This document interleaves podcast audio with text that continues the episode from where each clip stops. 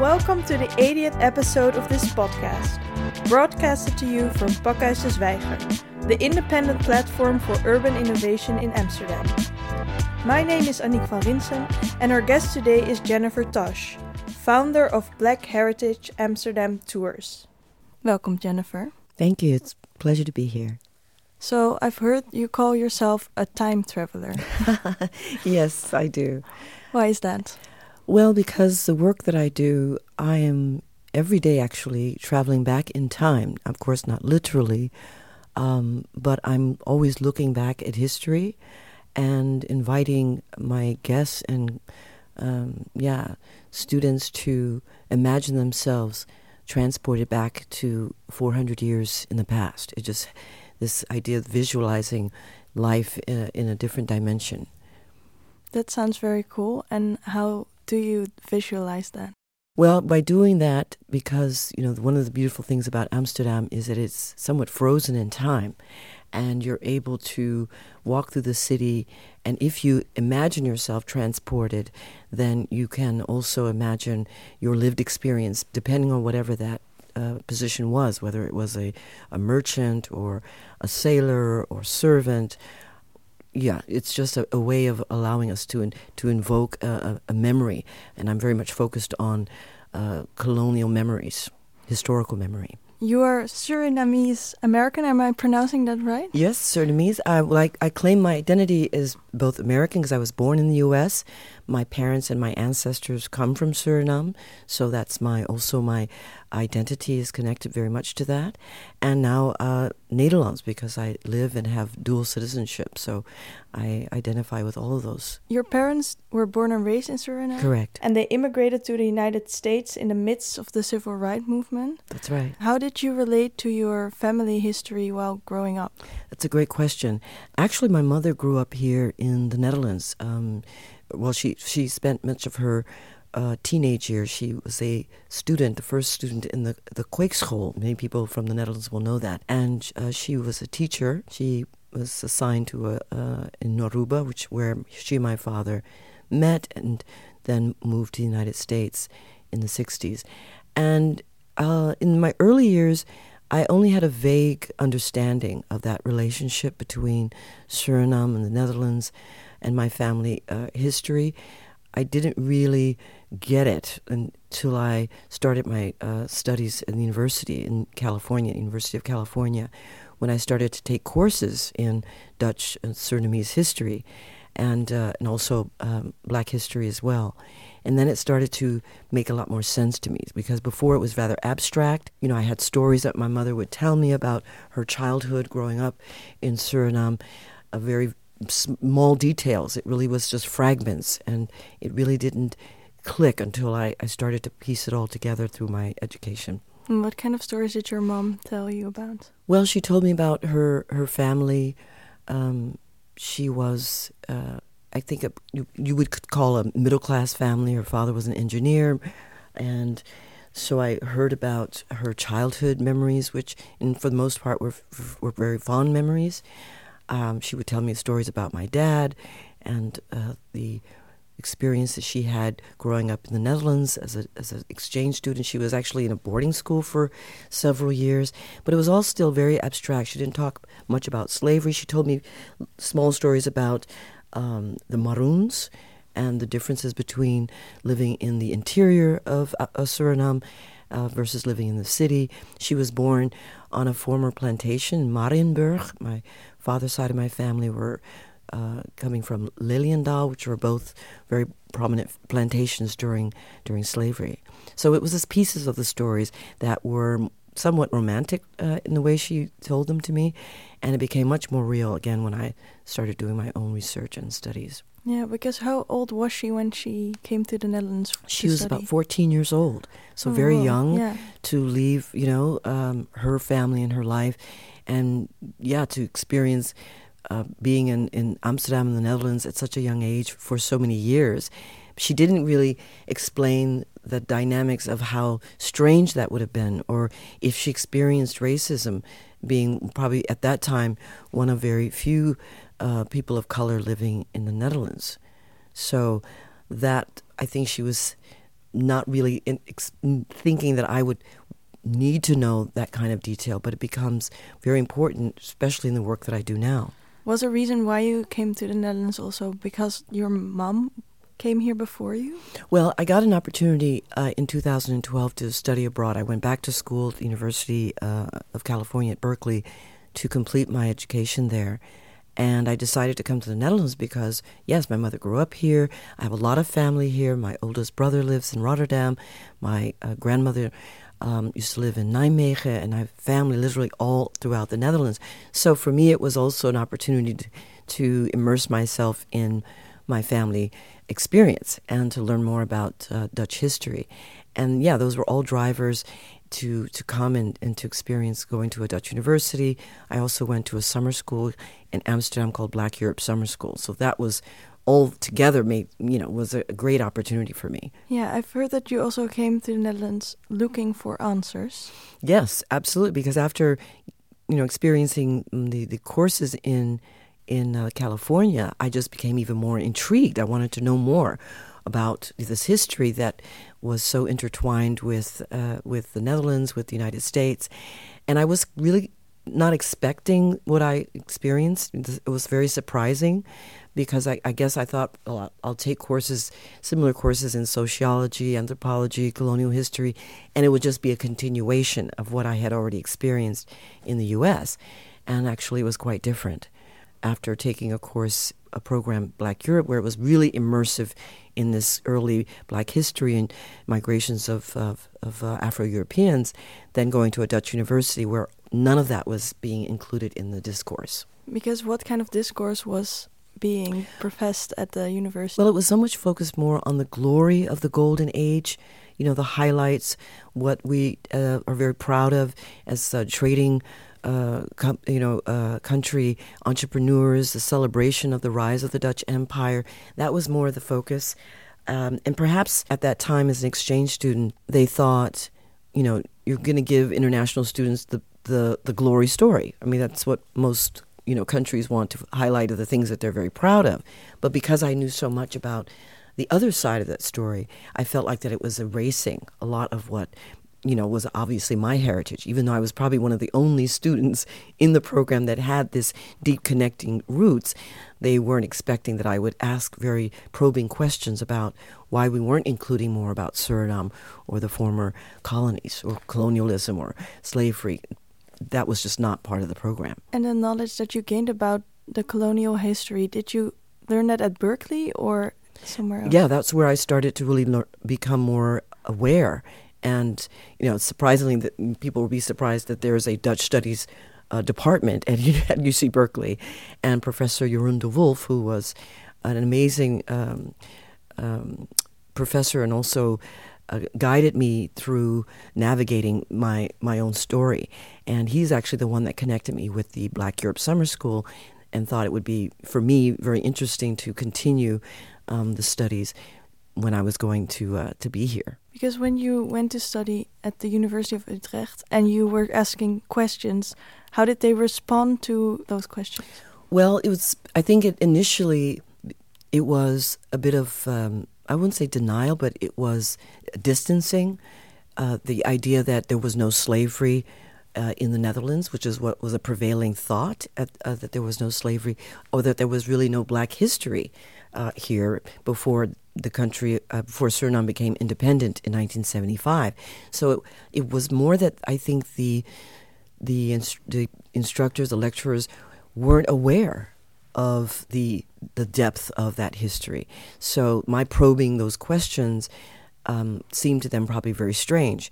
And Isn't that I, really weird if you're professing in that subject and then don't know a very big chunk of knowledge? You might be surprised that I think a lot of people at that time, maybe not so much as now, there's a lot more um, publicly you know, uh, more research, more more knowledge that's been produced around this. But at that time, it wasn't widely known. It, there, it was still very much this idea that we were different, we were exclusive, you know, exceptionalism. We weren't like the United States that had slavery in the United States. We weren't like Great Britain. We were this tolerant society. Uh, we were, you know, uh, traders and entrepreneurs. That was the emphasis versus the very in-depth colonial narrative that wasn't focused on, and maybe because you know, as an international exchange program, that wasn't the that wasn't the emphasis. Okay, and what would an alternative curriculum look like? Well, and that's one thing I often challenge is the idea of alternative because alternative suggests an other as something that's different. And what what over the last eight years since I've been here, and it certainly has evolved, is that it, this is not just an alternative. This is part of the the story. This is part of the history of the Netherlands, and its global expansion and its you know development of the nation state and empire. And every nation state that colonized other nations has this similar kind of story that we need to make it part of the dominant story, not just something that's othered, uh, because then it, we don't have to to claim it as part of our national heritage if we say, oh well, that's just something else. Yeah, exactly. So, I, what I mean with alternative curriculum is that then that becomes the curriculum. Yeah, I think it's just as simply as making sure that we include that uh, narrative. Like in the Netherlands, at least up until the time when I was doing my studies there, there was no critical race theory. You couldn't take a course in, you know, in, in the history of race, for example, or it was focused more on anthropology or, or things like that.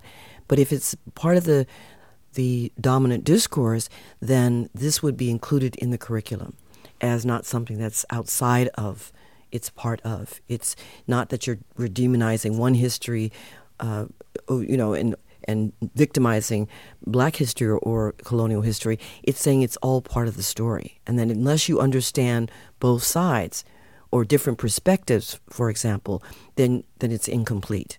Then we as a society are basing our national identity, we're basing our our colonial memory solely on the idea that we were these entrepreneurs and that our wealth was solely built by our own efforts.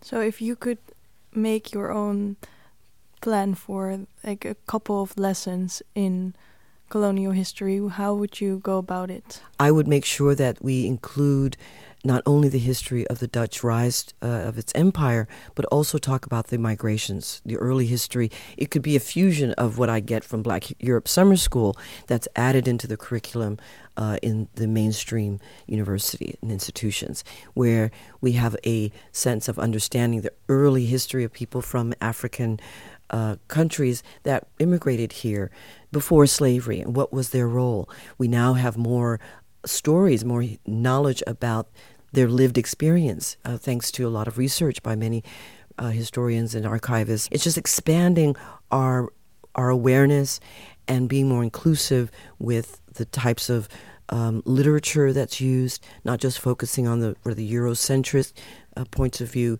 but also, like I said, um, history from the global south. So that would mean historians that write from uh, that lens. You know, in, instead of our, our lens only being focused in one way, we are shifting the gaze and looking at it from these different, like, like consider it like a prism. And when you're looking through a prism, it reflects so many different points of light.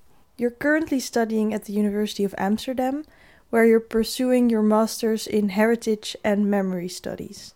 Do you feel that the educational approaches towards colonial history have changed? Well, interesting about that, when I first applied to the program, and I was very fascinated by the program itself because I really very interested in historical memory and how does our national identity, um, what is what is included in those symbols, in those um, objects, you know, the, the, the memories. What do we, how do we frame that? And the program was very much focused on World War II heritage and memory, which is very important part of Dutch identity mm-hmm. is World War II. Mm-hmm. There is much more symbolism in terms of monuments, and we we preserve that very very carefully. And so I remember when I was going through the interview process, and they made that very clear that you know the the the curriculum is much more about World War II, and I saw that as an opportunity.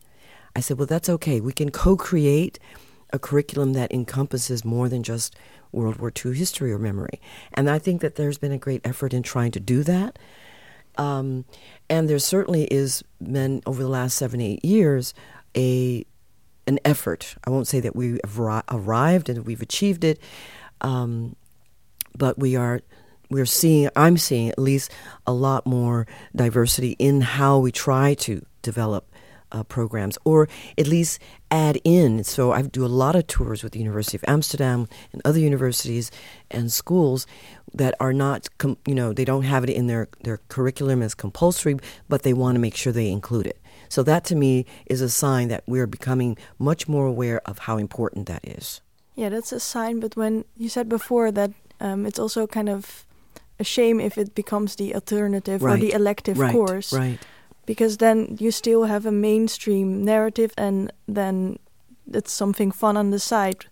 Whereas that's not necessarily how it can be. No, and you're right. And but think about how curriculum is developed or who decides what is going to be primary in terms of your your academic program.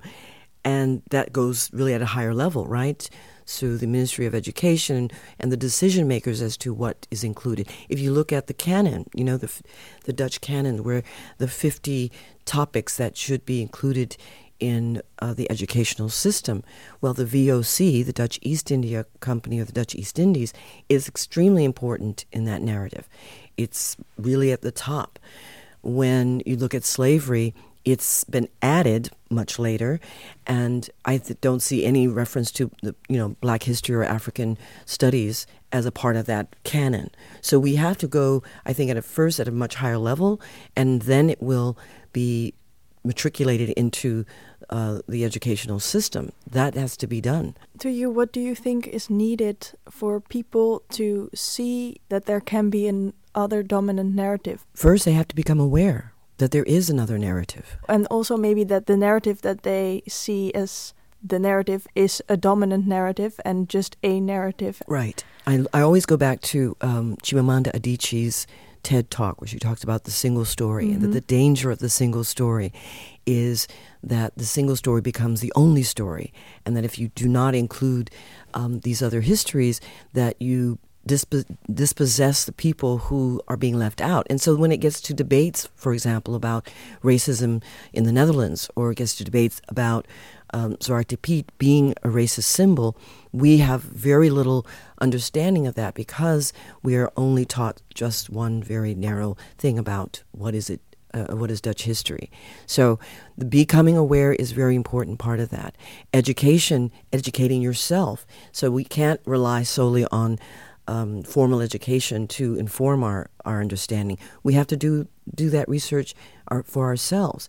I think the other thing that is really interesting to me when I first came here, which is also very dominant, is this notion that we are a colorblind society. I think we believe that by being color colorblind, that we don't see race, that race is a construct that came from somewhere else, the United States or another country. That that that self identity has also been detrimental because by saying you're colorblind, that means you don't see me. And that has been harmful, I think, to, to us as a society. And so we're shifting also, I think, our perspective that we, we're missing something. When people do my tour and they see so much of this black presence in the built heritage, I think many people from the Netherlands are very surprised that it's so preserved. That if you just look up and start to notice and ask the question, why, why are we there? Why is that imagery represented in so many different ways to symbolize the products that people uh, produce, to symbolize wealth and status and power, religion, and this black presence is very much integral part of that, that architectural history. Can you explain how the notion of color blindness makes for you to be not seen? I, I think that's an excellent question. As a matter of fact, there was a story that I really, really loved, and it was posted, and I think I'll just read very briefly why, why you should teach your child to see color. The idea of race is not biological. It's a system of power that keeps whites at the top and blacks at the bottom. Black children, and we could include non white children, and are experiencing the system as soon as they leave their homes. But if your child does not see color, your child may also have difficulty seeing racism and identifying when they are unintentionally being racist. And this is from this notion of being colorblind. Mm-hmm. So, you know, I think the idea of colorblindness comes from wanting to be a conscious parent, thinking that you're you're protecting your child from from this, you know, sort of identity politics. But it also goes on to say conscious parents empower their children to have the ability to connect with all people. That's essentially the goal of teaching your children to be colorblind, to not see color. But it has, actually has the opposite effect. Seeing one's color allows you to see the person in front of you, their culture, to value their difference and their individuality. So we should not teach anyone to ignore or to overlook any part, including the color of someone else's skin. That's beautiful. Where's this from? Yeah, this is from um, a, a, um, a, platform called Evolved Teacher, where it's it's a platform on social media uh, that uses uh, these these um, yeah posts to try to encourage people in education or even parents on how to to to raise more socially conscious children. That sounds like a really great initiative. It is, and and the other side of that is, I think, what why that resonated so deeply with me and many people. I mean, you know, thousands of people have reacted to that. Is it is a, a way of shifting our gaze. It's mm-hmm. a way mm-hmm. that we have to shift our way of thinking about. Um, diversity, for example. I mean, that's a big topic right now is diversity. There was a whole diversity commission at the University of California. Uh, Gloria Wekker was um, was the um, um, uh, head of that diversity commission. A report was produced. I haven't heard anything about how that re- report is being used. But if we think about diversity, we often just think of diversity as tokenism right? Can we have someone. tokenism so is? tokenism is in the in the context of diversity. We have a table of of, of uh, people. Well, we have someone who's considered black. We have someone from Indonesia. We have someone who's from from China. We have a Dutch person. We believe that's a diverse table. Well, if you go deeper than that, and I ask the question, what do you know about that culture? That's going to the valuing the differences. And that is to me where we are sh- fall short of looking at diversity is understanding that by valuing our differences and understanding why a symbol like Black Pete would be racist to not just the person who's saying it, but for as a society, then I think we're starting to to evolve and understanding why we have to go beyond this idea of just tokenism. In 2013, you founded Black Heritage Amsterdam Tours. What makes your tours different from other tours in Amsterdam? Well, that's a great question. When I started the tour in 2013, there's something very important was happening within our society. It was the commemoration of the 150th year of the, of the abolition of slavery. So there was already this attention focused on the topic. There were media was writing stories. Um, the museums were doing special exhibitions around it, but there was no public memory. So you, most of the tours were focused on again the highlights, the glory of the what's you know been formerly now known as the, the Dutch Golden Age, the things that, that tourists or tra- you know international travelers would be interested in. So the attractions, right? The seven bridges in a row, red light district, coffee shops, etc. And my focus was on the early black presence that was not being talked about at all, as far as I knew and also the colonial history, but also the the um, the atrocities that went were connected to that, and how was that visible in the built heritage? So in the monuments, canal houses, um, museums, in the archives. How do we draw our attention into these symbols and then try to explore what they mean? At the same time, it's still an amazing experience because you're on a boat tour, you're walking through the city, it's a beautiful city. So the way that we, we're framing it is so that it makes you even more interested in this very diverse, complex society. It's not just romanticizing, in other words. And that, I think, was what made it different. Can you take us through a journey? Where do we embark and where does it take us? So we start at the Dam Square. And the reason we start there is because that's really the center, the heartbeat of Amsterdam even in the 17th century, it was a very important commercial area. Traders are coming from around the world. So imagine people um, coming from everywhere wanting to be in, be in Amsterdam. So you look at paintings, 17th century paintings of the Dam Square. Look at their clothing. You see men in turbans. You see um, women dressed in different kinds of clothing. And they're trading goods There's boats that are offloading uh, barrels of goods that came off the ships that were docked in the harbor that's now where the central station is. And I point people's gaze to the city hall, which was which is now the royal palace, and we look at the symbols, ships on the on the uh, the cogs of ships because we love this maritime heritage. We're very proud of it. Lots of shipping. Um, stories. Then we look at the, the timpan, where you have the symbols of empire and, symbols of the uh, every continent that the, the Dutch had colonized, bringing the goods into Amsterdam.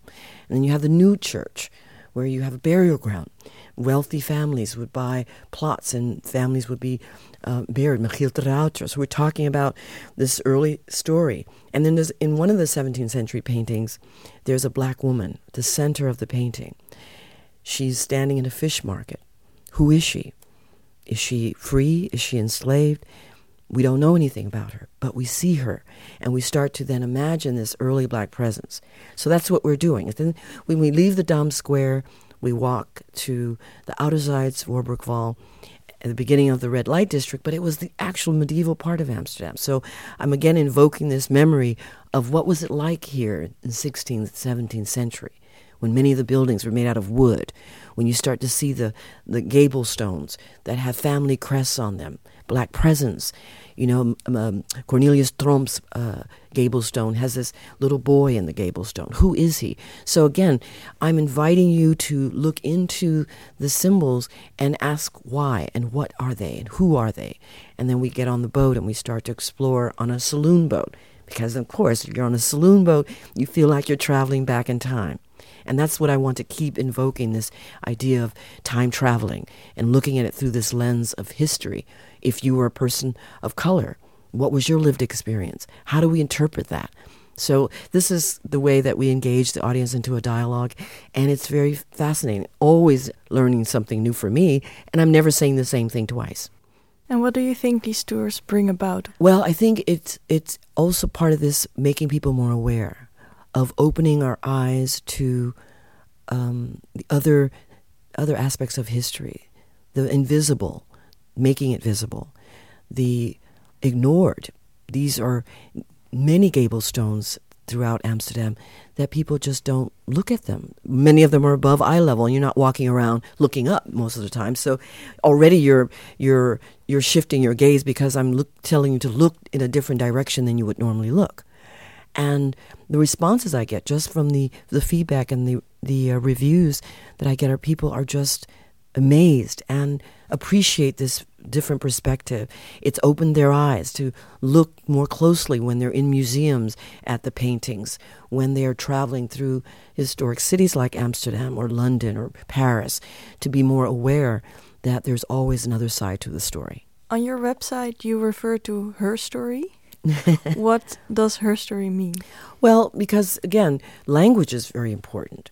And uh, one of the things I consider myself as an epistemological uh, activist, where I'm really working with my colleagues and interrogating how language has been used as part of this colonial uh, apparatus. So, so by, what does epistemological mean? So, looking at how um, historiography or literature, how language has been used in literature, and then deconstructing that, analyzing it, challenging it the dominant narrative always also includes na- language that erases usually other histories or marginalizes it or minimizes it as not central, not mainstream. So I'm very conscious of the way that I use language and referring to people as enslaved, those who were, as opposed to just calling them slaves. Mm-hmm. Um, giving names and the the humanity back into these frozen images. I've named one of them, or named several of them, because even though they're symbols, they represent people. And we see them as objects because at that time, African uh, descendant people were considered objects to be bought, to be sold, to be bequeathed, to be owned.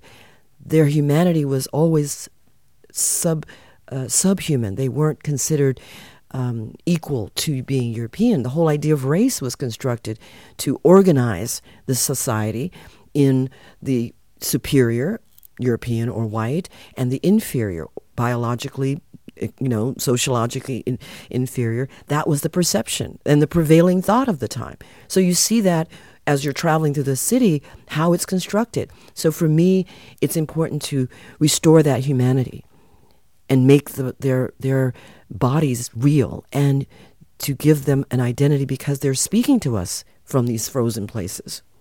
Together with Dutch culture, Pakhuis de Zwijger explores the impact of the COVID 19 pandemic on cities worldwide. One thing that was found is that the crisis worsens social inequality and makes already existing patterns of inequality more visible. Can you give an example of this? Well, certainly evidence has shown that COVID 19 disproportionately impacts communities of color. And I think what that means to me is that it it highlighted or it, it amplified the social inequalities because when you look at the, the numbers of people who were dying, the disproportionate numbers of people dying were people who were poor um, or did not have proper health care or to receive proper health care. Communities of color uh, disproportionately were, were not being presented in the media as such until more people, activists, said, hey, look at this. Look at how the system that we call racism has affected these communities of color. At the same time that this was going on, George Floyd murder happened. In the middle of this quarantine, this, this uh, pandemic crisis, that only, again, amplified what was already going on in the societies. So what's fascinating to me is that it's become a global, you know, movement in the sense, but this has been going on for generations, for centuries. That is just, I think, being really being amplified because we were all at home. So, what can history tell us about these inequalities exactly? Well, how far back do you want to go? Because we can go back as far as the 13th century, 14th century, when when the first voyages were you know, uh, Spain, Portugal were exploring the Americas, discovering, and I'm using discovering in air quotes, um, indigenous people and the differences that started to be become more f- uh, focused on. And it was as early back that that time when race was being constructed that the idea that uh, people from Europe were superior. And then if you even go forward in time, the 15th century, the 16th century, especially the 17th century, when race is an organizing principle. It is the color coding of race that justifies the system that we now become known as slavery. And if you keep going forward in time, that just continued to evolve. So when we're looking at the system that race helped to build, you can't talk about what's happening today without going back and looking at how it developed and all the movements that were the efforts to counter that development. So, activism, resistance, the abolition movement. You know, in the United States, you have Reconstruction. Then the counter reaction to that was Jim Crow. Then the Civil Rights Movement. So there's always been the movements to try to to dismantle it, but power doesn't give up anything easily. Mm-hmm. In what ways are social inequalities linked to racial inequalities? They're intertwined. They're like it's like you know how you, you you see your clothes as a fabric that's been woven together. How do you unweave it? You can't. Once it's been stitched in, it's a part of it. I also liken it to a foundation. When you're building a house, you have to start with the cement, right? The concrete. Well, if you add anything that doesn't belong there, it's it's corrupted from the beginning. So no matter what you put on top of that foundation, it's still going to be corrupted. So we can change things or laws, we can add things, but the foundation is is wrong. It's bad. So we're talking about dismantling the system of inequality. You got to go back to the foundation. It's built into it. It's woven into the fabric. It's not as easy as just to say we want equality. What are we willing to do? What are we willing to do to reverse or to interrupt, to dismantle the system that created it in the first place? Becoming aware is obviously a very important part of that process. Yeah. So it's a very rigid structure and we actually need a new foundation. We need a new foundation. Is that possible? This is the essential question, and I really appreciate you asking it because it's not a simple answer. For every white person who thinks they are non racist, I have never met a white any person said I'm a racist, except unless you're a KKK. Mm-hmm. So you can't have racism with no racists. It's anti-racism as a process should be taken up by every person who's really committed to social justice and equality. It should be part and parcel. And and, and I'll tell you what that means because anti-racism even if you think as a white person that I I'm aware I try to check my inherent bias. Mm-hmm. You know, how many times I can tell you when I have walked down the street and or entered the tram and a white person sees me enter the tram and suddenly her purse goes up. I've noticed myself like I was parking That's my inherent bike. bias. I was parking my bike and then I just only did like the small lock that you put on on the Right, back right. wheel. Right? and then I saw in the like in the corner of my eye, I saw two uh, black men, hmm and I I took my other lock, the big lock, and put it on like the other But wheel, and then I noticed, and I, yeah, exactly. You became immediately aware. and then I noticed, and I was like, "What am I Yes, doing?" And then I was like, "These are just two men standing there, and if they were white, I wouldn't have locked my bike extra." Like, exactly. and that it's it's really like I feel shame in that, and it's really uh, hard to talk about this. Like I would like I would like to not have thought this or done this, but I think it's also important to be honest with myself that I exactly. So, this is the point. When I say becoming aware of in, inherent bias, this is it. Let's not boil the ocean, because if we try to think of all the things we have to do, nothing. It it, it, it immobilizes us. It's too much. I can't. Start with just yourself. That moment of awareness that you are acting in, in an inherently biased way is already dismantling the racism that was that was that's you born into. yeah For me, here's this. There's another program. That's I. This woman. Oh my God, she's amazing. she is amazing. Um, because there's different types of there's you know all types of racism. But what she says, I want to get this right. The four stages of becoming anti-racist. What did I say with the first one? Awareness.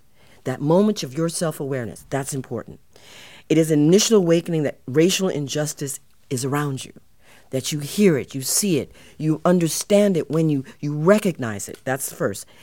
I said it already. Education. Becoming aware is one thing, but then educating yourself on how it works.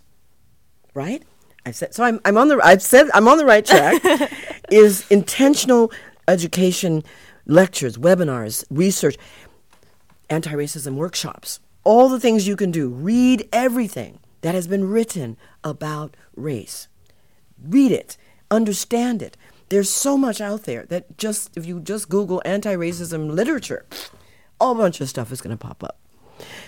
Self interrogation. That's what you did. You realized when you went to lock your thing and you noticed that you take that extra step, ooh, and check yourself.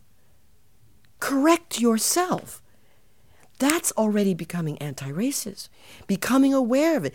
It made you uncomfortable. And I say this all the time get comfortable being uncomfortable because it's painful to see in yourself something, something that you publicly denounce. All right, the next thing there's four steps is direct action. What can you do to intervene in situations? Not putting yourself in harm's way, but becoming an activist in your own life and demanding that public media, TV, radio, um, newspapers, media hold them accountable when they act in these racist fashions. Write to them. Say, I will not shop at your store. Become an activist. that sounds great. It took centuries to get here. So we cannot expect in one generation that it's going to be resolved. We've been working on it for centuries, and we're at a very important pivotal turning point where we see the solidarity. We see people joining hands together to fight against institutional and systemic racism. But now what? And I'd say this a lot in my talks become comfortable being uncomfortable because that's where the shift of change can occur. That moment of your humanity connecting to your inherent bias. It's been developed in the media. It's been developed over time. And becoming anti racist for people who see themselves as non racist, that's important, is a process that takes commitment and time. And the constant awareness of when you act in that way and what can you do to counter that reaction. I give a perfect example also where there was a woman walking into walk, uh, walking uh, to a fine department store in the U.S. And she comes to the door, and the store manager wouldn't open the door. It was a security building because of the, how much uh, valuable merchandise they had. And she said, "Well, are they open?" She goes and she calls and says, "Are you open?" They said, yes. She said, oh, okay, well, I'm coming back. She was, went across the street to a cafe. She comes back. They still wouldn't open the door. So she left, and when she got home, she called the manager. And she says, I'm, I don't understand. You're, you were open. I saw two white women going into the, the store. But when I came back to the store, my friend, you refused to open the door. And they said, oh, well, they had been robbed by a black guy the week before, and so they were scared it was Oprah Winfrey. So it does racism when it operates doesn't matter if you're a black person educated or wealthy or poor or it doesn't matter. It just sees that because of the skin color. So that moment of awareness is such an important point. And we talked about what does it mean to become anti-racist? First is awareness, that moment of becoming aware that there is racial injustice in our society, not in somebody else's society, in ours. And you finally want to see something done about it. Educating yourself, reading lectures, workshops. We're going to be developing anti racism programming. That's part of the work that I do as an educator, as a tour company that's so important. When people say, educate yourself, that means study the history of how race becomes this thing, this system, this structure. What do we know? There's a lot of literature. If you just even Google anti racism literature, a bunch of things will pop up. In the Netherlands, things have been written. Knowledge has been produced around the topic that has been marginalized. Go find it. Self interrogation, which is what you did. You questioned your, yourself. You looked at why did you do that? That's the inherent bias that we all have to deal with and deconstruct. And then action. What can I do as an individual that's direct action to counter that systemic racism? We see it in the media. What do you do when you see something in the media? You write, you respond, you, you demand that if your money is going into public media, that they act in a responsible way. That it should not be normalized or okay because, you know, it's a popular show that they behave in that fashion.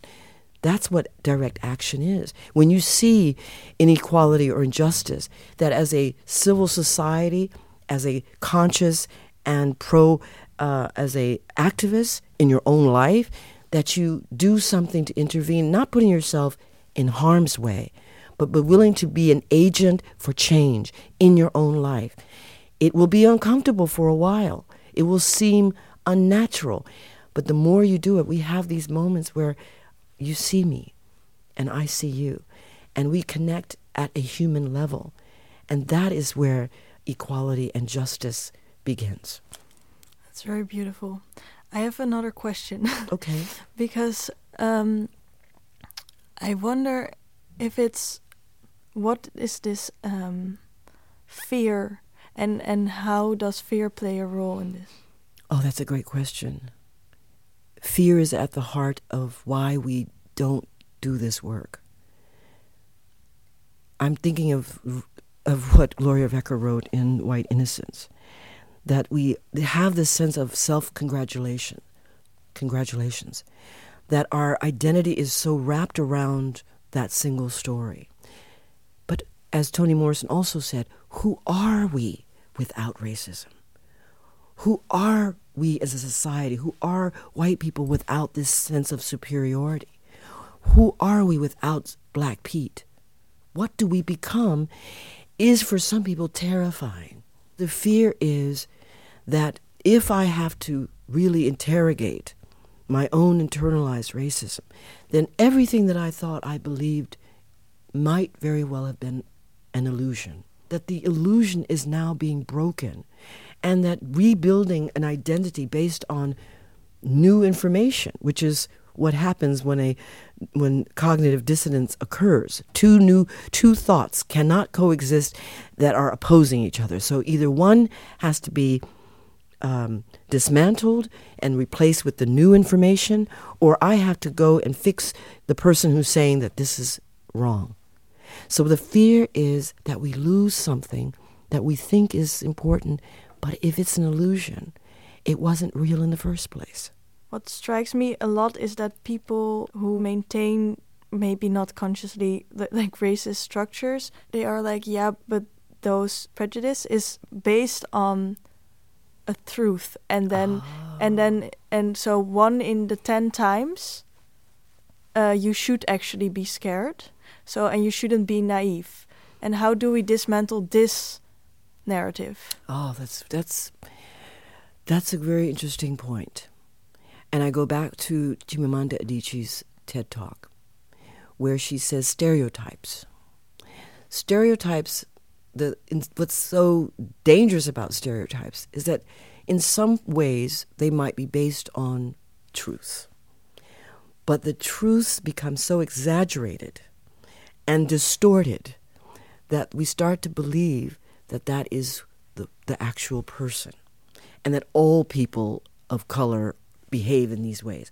But there are stereotypes about white people, right? Mm-hmm. That those stereotypes are also based on truths that have been amplified, in some ways exaggerated. Look at this whole meme about, you know, barbecue Becky's and Karen's. Mm-hmm.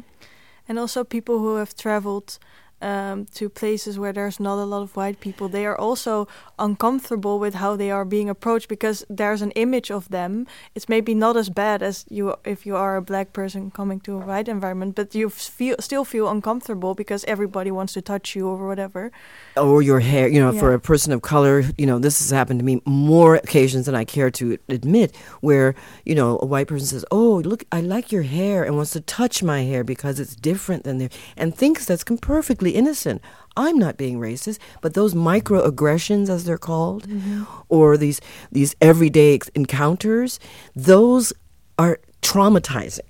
yeah. over time. So the fear, going back to that question about what are we afraid of, is if we are without these stereotypes, if we are without this sense of superiority or um, privilege, then what are we? Who are we?